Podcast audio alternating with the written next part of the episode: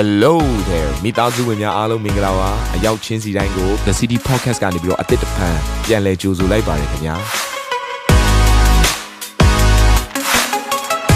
ဒီတစ်ပတ် Daily Devotion အစီအစဉ်ကတော့ယခင်ကဟောကြားခဲ့တဲ့နှုတ်ကပတ်တော်များထဲကနေပြီးတော့ highlight လောက်ဆောင်ပေးထားတာပဲဖြစ်ပါတယ်နာတော်တာစင်သူညီကောင်မောင်နှမများယနေ့နှုတ်ကပတ်တော်အားဖြင့်အသင်ပြခြင်းအသေးရရှိပါမည်အကြောင်းကျွန်တော်ကနေဆုတောင်းလိုက်ပါတယ် ကျွန်တော်အရင်တော့ relationship ပြဿနာအများကြီးရှိတယ်အိမ်အောင်စားကြတဲ့ခါမှာဆီယမနဲ့အဆင်ပြေလွန်းတာလည်းမဟုတ်ပါဘူးကျွန်တော်ရန်ဖြစ်ရတဲ့အချိန်တွေရှိတယ်ကြောက်စားဖြစ်ရတဲ့အချိန်တွေရှိတယ်ကျွန်တော်ရန်ကုန်ပြန်ရောက်လာတဲ့အချိန်မှာပင်ကားထဲမှာနှစ်ယောက်အော်ဟစ်ပြီးတော့ကျွန်တော်စကားများတဲ့အချိန်တချို့လည်းရှိခဲ့တယ်ကျွန်တော်ဘာကြောင့်ဒီအားနည်းချက်တွေကျွန်တော်တို့ရဲ့နော်နောက်ွယ်ကကျွန်တော်တို့ပဲသိတဲ့ကိစ္စတွေဘာကြောင့်ပြောလဲဆိုတော့ကျွန်တော်တို့ဒီလိုပြဿနာတွေကိုဖျားနီးလန်းနဲ့ဖြေရှင်းခဲ့တယ်ဆိုတာကိုနားလဲစေချင်လို့ဖြစ်တယ် သူခွန်အားနဲ့လည်းမတက်နိုင်ဘူးကျွန်တော်ခွန်အားနဲ့လည်းမတက်နိုင်ဘူးဒါပေမဲ့ကျွန်တော်တို့နှစ်ယောက်လုံးဘုရားသခင်ရှေ့ကိုသွားကြတယ်ကျွန်တော်ရဲ့ပြဿနာကိုဖြေရှင်းငါတို့လိုချင်တာဒီအိမ်တော်ရေးမဟုတ်ဘူးငါတို့ကဝိညာဉ်ရဲ့ခေါင်းဆောင်ဖြစ်လာမဲ့သူတွေငါတို့နှစ်ယောက်အိမ်တော်ရဲ့ဆံပြဖြစ်ဖို့လိုတယ်ငါတို့နှစ်ယောက်ကြားထဲမှာဟန်ဆောင်ပြီးတော့တရားဟောတဲ့အိမ်ပြန်ရောက်ရင်ရန်ဖြစ်တဲ့လင်မယားမျိုးအမှုတော်ဆောင်ဆရာဆရာမမျိုးငါတို့လုံးဝမဖြစ်ချင်ဘူးငါတို့ကလူရှိမှလည်းတယောက်နဲ့တယောက်ယိုသေးလေးစားမှုရှိတယ်ချစ်ခင်မှုရှိတယ်နောက်ွယ်မှာလည်းတယောက်ကိုတယောက်ယိုသေးလေးစားခြင်းနဲ့ချစ်ခြင်းနဲ့သွားခြင်းနဲ့ခလေးတွေကငါတို့ကိုအဲ့ဒီပုံသက်တင်နဲ့မြင်ရမယ်ကျွန်တော်တို့ရဲ့လက်ကြောင်း သိကျင်တယ်ဆိုကျွန်တော်သားတွေကိုမေးလို့ရတယ်အထူးသဖြင့်ကျွန်တော်သားအကြီးဟာကျွန်တော်တို့ရဲ့အနှိမ့်အညင်တက်ကြအားလုံးကိုအတူကြော်ဖြတ်ခဲ့တာဖြစ်တယ်ကျွန်တော်တို့ရန်ဖြစ်တဲ့အချိန်မှာလည်းသူမြင်ခဲ့ဘူးတယ်အခုကျွန်တော်တို့အဆင်ပြေတဲ့အချိန်မှာလည်းသူနေတယ်ဒါကြောင့်သူရဲ့အသက်တာသူသူပြန်ပြီးပြောတဲ့ຢာတစ်ခုကဘာလဲဆိုတော့အရင်တော့သူအရန်စိတ်ညစ်ခဲ့ရတယ်ဒါပေမဲ့ဒဲဒီနဲ့မာမီ နော်တကယ်ကိုအဆင်ပြေပြီးတော့တခါတည်းနော်ဘုရားသခင်အဲမှာချစ်ကျွမ်းဝင်ခြင်းနဲ့ဒီလိုသွားတဲ့အရာဟာသူ့ဘဝမှာအပျော်ဆုံးအချိန်ကာလဖြစ်တယ်ဆိုတဲ့အရာကိုသူပြန်ပြီးတော့ပြောတယ်ကျွန်တော်တို့အရင်တော့မသိခဲ့ဘူးကျွန်တော်တို့ရန်ဖြစ်တဲ့အချိန်မှာကျွန်တော်တို့ရဲ့ကလေးဟာတော်တော်ကိုစိတ်သက်ကြပြီးတော့စိတ်ဆင်းရဲနေရဆိုတဲ့အရာကိုကျွန်တော်တို့နားမလည်ခဲ့ဘူးသူပြန်ပြောမှသိရတာခါဒီမှာလင်မယားနှစ်ယောက်ရဲ့ဘာမှမဟုတ်တဲ့စကားကြောက်ကစားများလိုက်ခြင်းဟာကလေးတွေရဲ့အရှိမကလေးတွေအတွက်စိတ်ရကြမှုကိုဖြစ်စေတယ်အနာဂတ်အတွက်မျှော်လင့်ချက်တွေပျောက်သွားစေတယ် အားငယ်မှုတိမ်ငယ်မှုတွေအများကြီးကိုဖြစ်သွားစေတယ်အဲ့ဒါဒီအားလုံးကိုကျွန်တော်နဲ့ဆရာမတို့နှစ်ယောက်ဒီအသင်းတော်ဒီလိုပုံစံဖြစ်မလာခင်ကျွန်တော်ဝိညာဉ်ရေးအပိုင်းဆိုင်မှာအများလူများစွာကိုဥဆောင်တဲ့အချိန်တွေမရောက်ခင်မှာအကျိတ်နဲ့အလင်းအမြန်ဘုရားသခင်ရှေ့မောက်ကိုတိုးဝင်ပြီးတော့ငါတို့ဒီနီးလန်းနဲ့သွားရအောင်အဲဆိုကျွန်တော်ကျွန်တော်ရဲ့မိတ်ဆွေတွေကိုကျွန်တော်ဖိတ်ခေါ်ပြီးတော့ဒီနော်လင်မယားနဲ့ဆိုင်တဲ့ဇနီးမောင်နဲ့နှစ်ယောက်နဲ့ဆိုင်တဲ့သင်တန်းတွေပေးဖို့ကျွန်တော်ပြင်ဆင်တယ်ကျွန်တော်တို့ခံယူုံသာမကအသင်းတော်တစ်ခုလုံးကိုကျွန်တော်ခံယူစေတယ်ပြီးတော့အခုဆိုရင်ကျွန်တော်တို့ကိုယ်တိုင်ကပြန်ပြီးတော့ဇနီးမောင်နှံတွေကိုပြန်လဲပြီးတော့ mentoring ကြည့်ရှုတဲ့ရာအခုရေတရောလှုပ်တယ်လို့ပုံစံမျိုးပဲအခြားသောဇနီးမောင်နှံစုံတွဲများအမှုတော်ဆောင်စုံတွဲများကိုပြန်လဲပြီးတော့ mentoring coaching အကြံပေးခြင်းဆိုတဲ့အရာကိုကျွန်တော်ပြန်လှုပ်ဆောင်နိုင်ပြီ။ဘာကြောင့်လဲကျွန်တော်တို့ကိုယ်တိုင်ကြော်ဖြတ်ခဲ့လို့ဖြစ်တယ်။ခလေးတွေနဲ့ကျွန်တော်ကြော်ဖြတ်နေတယ်။ငယ်တဲ့ချိန်ကလည်းကြော်ဖြတ်တယ်အခုကျွန်တော်ဆယ်ကျော်သက်ဘဝရဲ့ပြဿနာတွေလည်းကျွန်တော်တို့အတူကြော်ဖြတ်နေကြတယ်အဲ့လိုကြော်ဖြတ်တဲ့အခါမှာကျွန်တော်တို့ကကျွန်တော်တို့ရဲ့နီလန်းတွေမတုံဘူးလောကရဲ့နီလန်းတွေမတုံဘူးကျွန်တော်စဉ်းစားတဲ့ပုံစံတွေမတုံဖျားနီလန်းပါလေအဲ့ဒီຢာကိုပဲကျွန်တော်တို့သွန်သင်တယ်တော့ကျွန်တော်အားပေးခြင်းနဲ့ဒီနေ့ရေသရောပြောသလိုပဲဖျားသခင် သူတို့ကိုရှောက်စေခြင်းတဲ့လမ်းကိုပြညွန်မှာအဲ့ဒီလမ်းမှာဘလို့အသက်ရှင်ရမလဲဆိုတဲ့အရာတွေလောက်ရမယ့်အရာတွေကိုလည်းပြောပါဆိုတဲ့အတိုင်းပဲဒီနေ့ကျွန်တော်အနေနဲ့ဒီမှာရှိသောသူများကိုတုံသင်တာဖြစ်တယ်ကျွန်တော်နောက်ထပ်လက်ခံတဲ့အချက်ကဘာလဲဆိုကျွန်တော်တို့ဘလောက်ထိနှုတ်ကပတ်တော်ကိုကျွေးမွေးသလဲဆိုတာကျွန်တော်တို့ဘလောက်ထိလူတွေကိုဥဆောင်နေသလဲဆိုတာကိုဖော်ပြနေတာဖြစ်တယ်နှုတ်ကပတ်တော်ကိုမတုံသင်မဲနဲ့ကျွန်တော်တို့ဝိညာဉ်ရေးမှာဘလို့ဥဆောင်မလဲလူတွေကသင်းအုပ်ဆိုတဲ့နာမည်ခန့်ထားလို့ဆရာလို့ခေါ်တာလား အသင်းတော်အကြီးမို့လို့လာတက်တာလားဒါမှမဟုတ်ရင်ကိုယ်အိမ်နဲ့နီးလို့ရောက်လာတာလားကျွန်တော်ရဲ့ယုံကြည်ချက်ကတော့ကျွန်တော်ဟာလူအများကိုဦးဆောင်ရတဲ့အခါမှာကျွန်တော်ဘယ်လောက်ထိကျွေးမွေးနိုင်တယ်လဲဆိုတာကျွန်တော်ဟာဘယ်လိုခေါင်းဆောင်ဖြစ်တယ်လဲဆိုတဲ့အရာကိုဖော်ပြနေတယ်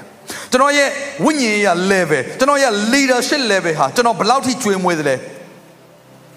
ကျွန်တော်ဘယ်လောက်ထိ feed လုပ်တယ်လဲအဲ့ဒီ feed လုပ်တဲ့အတိုင်းပဲကျွန်တော် lead လုပ်နေတယ်လို့ကျွန်တော်ဒီလိုပဲခံစားရတယ်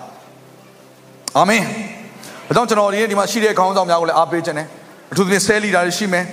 ministry leader တွေရှိမယ်အသီးသီးနော်မိသားစုအထူးသဖြင့်ဖခင်များကိုလည်းကျွန်တော်ပြောခြင်းနဲ့သင်တို့ဟာတကယ်တော့လေသင်တို့ရဲ့သားသမီးတွေကိုဘုရားကျောင်းပို့ပြီးတော့ကျမ်းစာနားထောင်ကွာဆိုပြီးတော့ပြောရမယ်သူတွေမဟုတ်ဘူးတကယ်တော့သင်တို့ဟာသင်တို့အိမ်ရဲ့သင်ယုံဆရာတွေဖြစ်တယ်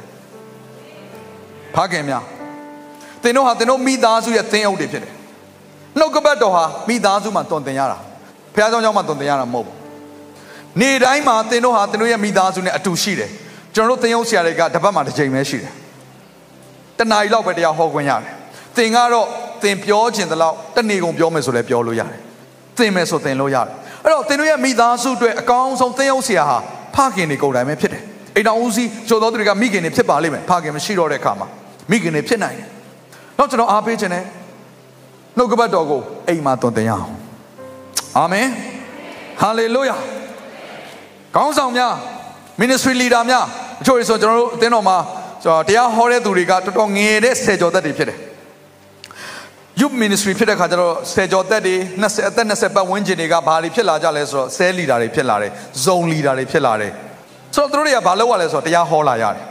တော့ကျွန်တော်အားပေးခြင်းနဲ့ငါကတော့လူငယ်ဖြစ်လို့ငါဘာမှချမ်းသာကြောင်းလည်းမတက်ရသေးဘူးအတွေ့အကြုံလည်းနှုနယ်လို့အခုမှအသက်တာပြောင်းလဲရလဲအရန်ကြီးမကြသေးလို့ငါတော့တရားမဟောဘူးလို့အဲ့လိုမစင်စားပါနဲ့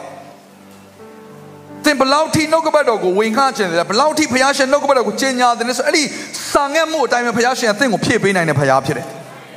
ကျွန်တော်အရင်အားရတဲ့အသက်သေခံချက်တစ်ခုကဘာလဲဆိုတော့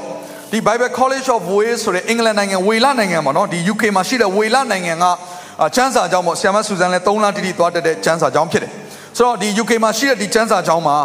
အရင်တော့ကဘယ်သူတက်ခဲ့လဲဆိုဆရာကြီးရေဟမ်ဘိုဂီနော်ဘာကြီးမဒီမလက်ကပြောခဲ့ဆရာကြီးရေဟမ်ဘိုဂီလူတစ်ခါနဲ့တန်း80ကျော်လောက်ကိုယေရှုခရစ်တော်စီပို့ဆောင်ပေးခဲ့တဲ့ဆရာကြီးဖြစ်တဲ့အာဖရိကတိုင်းတတိုင်လုံးနီးပါးနိုးထားမှုဖြစ်အောင်လှုပ်ဆောင်ဥဆောင်ခဲ့တဲ့ဆရာကြီးဆရာကြီးရေဟမ်ဘိုဂီကအဲ့ဒီချမ်းသာကျောင်းမှာတက်ခဲ့တာသူက Bible College of Wales ဆိုတဲ့ဝေလနိုင်ငံရဲ့ကျမ်းစာကျောင်းမှာတက်ခဲ့တာဆိုတော့တက်တဲ့ခါမှာတဲ့နော်သူနောက်ပိုင်းကျမှသူ့ရဲ့စာအုပ်ထဲမှာရေးထားတာပါ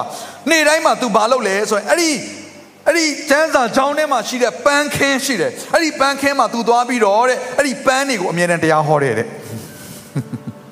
ကြောင့်ဒီထက်မှရှိတဲ့လူငယ်များခေါင်းဆောင်များသင်တို့ဟာသင်တို့ရဲ့ဆဲခရုဟာသင်တို့ရဲ့မိသားစုကဲ့သို့ဖြစ်တယ်သင်တို့ဟာဘုရားသခင်ခန့်အပ်ထားတဲ့ခေါင်းဆောင်ကဲ့သို့ဖြစ်တယ်ဘလောက်ပဲအသက်ရွယ်ငယ်ငယ်ဘလောက်ပဲအတွေ့အကြုံနှုတ်နေပါစေသင်ဘလောက်ထိစာငတ်တယ်လဲဘုရားရဲ့လူတွေဒီမိသားစုကိုဘလောက်ထိဘုရားနီးလန်းတဲ့ကိုဆွဲခေါ်ပြီးတော့ပြုစုခြင်းတယ်လဲဆိုတော့အဲ့ဒီနှလုံးသားကိုဘုရားသခင်မြင်တဲ့အခါမှာဘုရားသခင်ကိုဗိတ်သိက်ပေးနိုင်တယ်ကောင်းချီးပေးနိုင်တယ်ဟာလေလုယာ ဒီအစီအစဉ်လေးအပြင်တင်းရဲ့အသက်တာမှာကောင်းကြီးဖြစ်မယ်ဆိုတာကိုကျွန်တော်ယုံကြည်ပါတယ်ဗီဒီယိုကြည့်ပြီးခံယူလို့ဒီများအတွက်အပတ်စဉ်တရားဟောခြင်းများ Bible Study ကြီးမွန်ကိုယ်ွယ်ခြင်းနဲ့အခြားသောအကြောင်းအရာတွေဟာတင်းအတွက်အဆင်ပြေရှိနေပါတယ် YouTube မှာ The City Space TV လို့ရိုက်ထည့်လိုက်တဲ့အခါကျွန်တော်တို့ကိုတွေ့ရှိမှာဖြစ်ပါတယ် Subscribe လုပ်ခြင်းအပြင်တင်းနဲ့ထက်ချက်မကွာအမြင်ရှိနေပါပါဒါအပြင် Facebook မှာလည်း The City ရန်ကုန်လို့ရိုက်ထည့်လိုက်တဲ့အခါတည်င်းအချက်အလက်နဲ့ poster တွေကိုအချိန်နဲ့တပြေးညီတွေ့ရှိအောင်မှာဖြစ်ပါတယ်ခင်ဗျာ The City Podcast ကိုနားထောင်ကြတိုင်းဖျားသခင်ရဲ့ထူကြသောဖွင့်ပြချက်နဲ့ကောင်းကြီးမင်္ဂလာများခံစားမိအကြောင်းကျွန်တော်ဆုတောင်းရင်ဒီ season လေးကိုဒီမှာပဲညံ့နာပါရစေခင်ဗျာ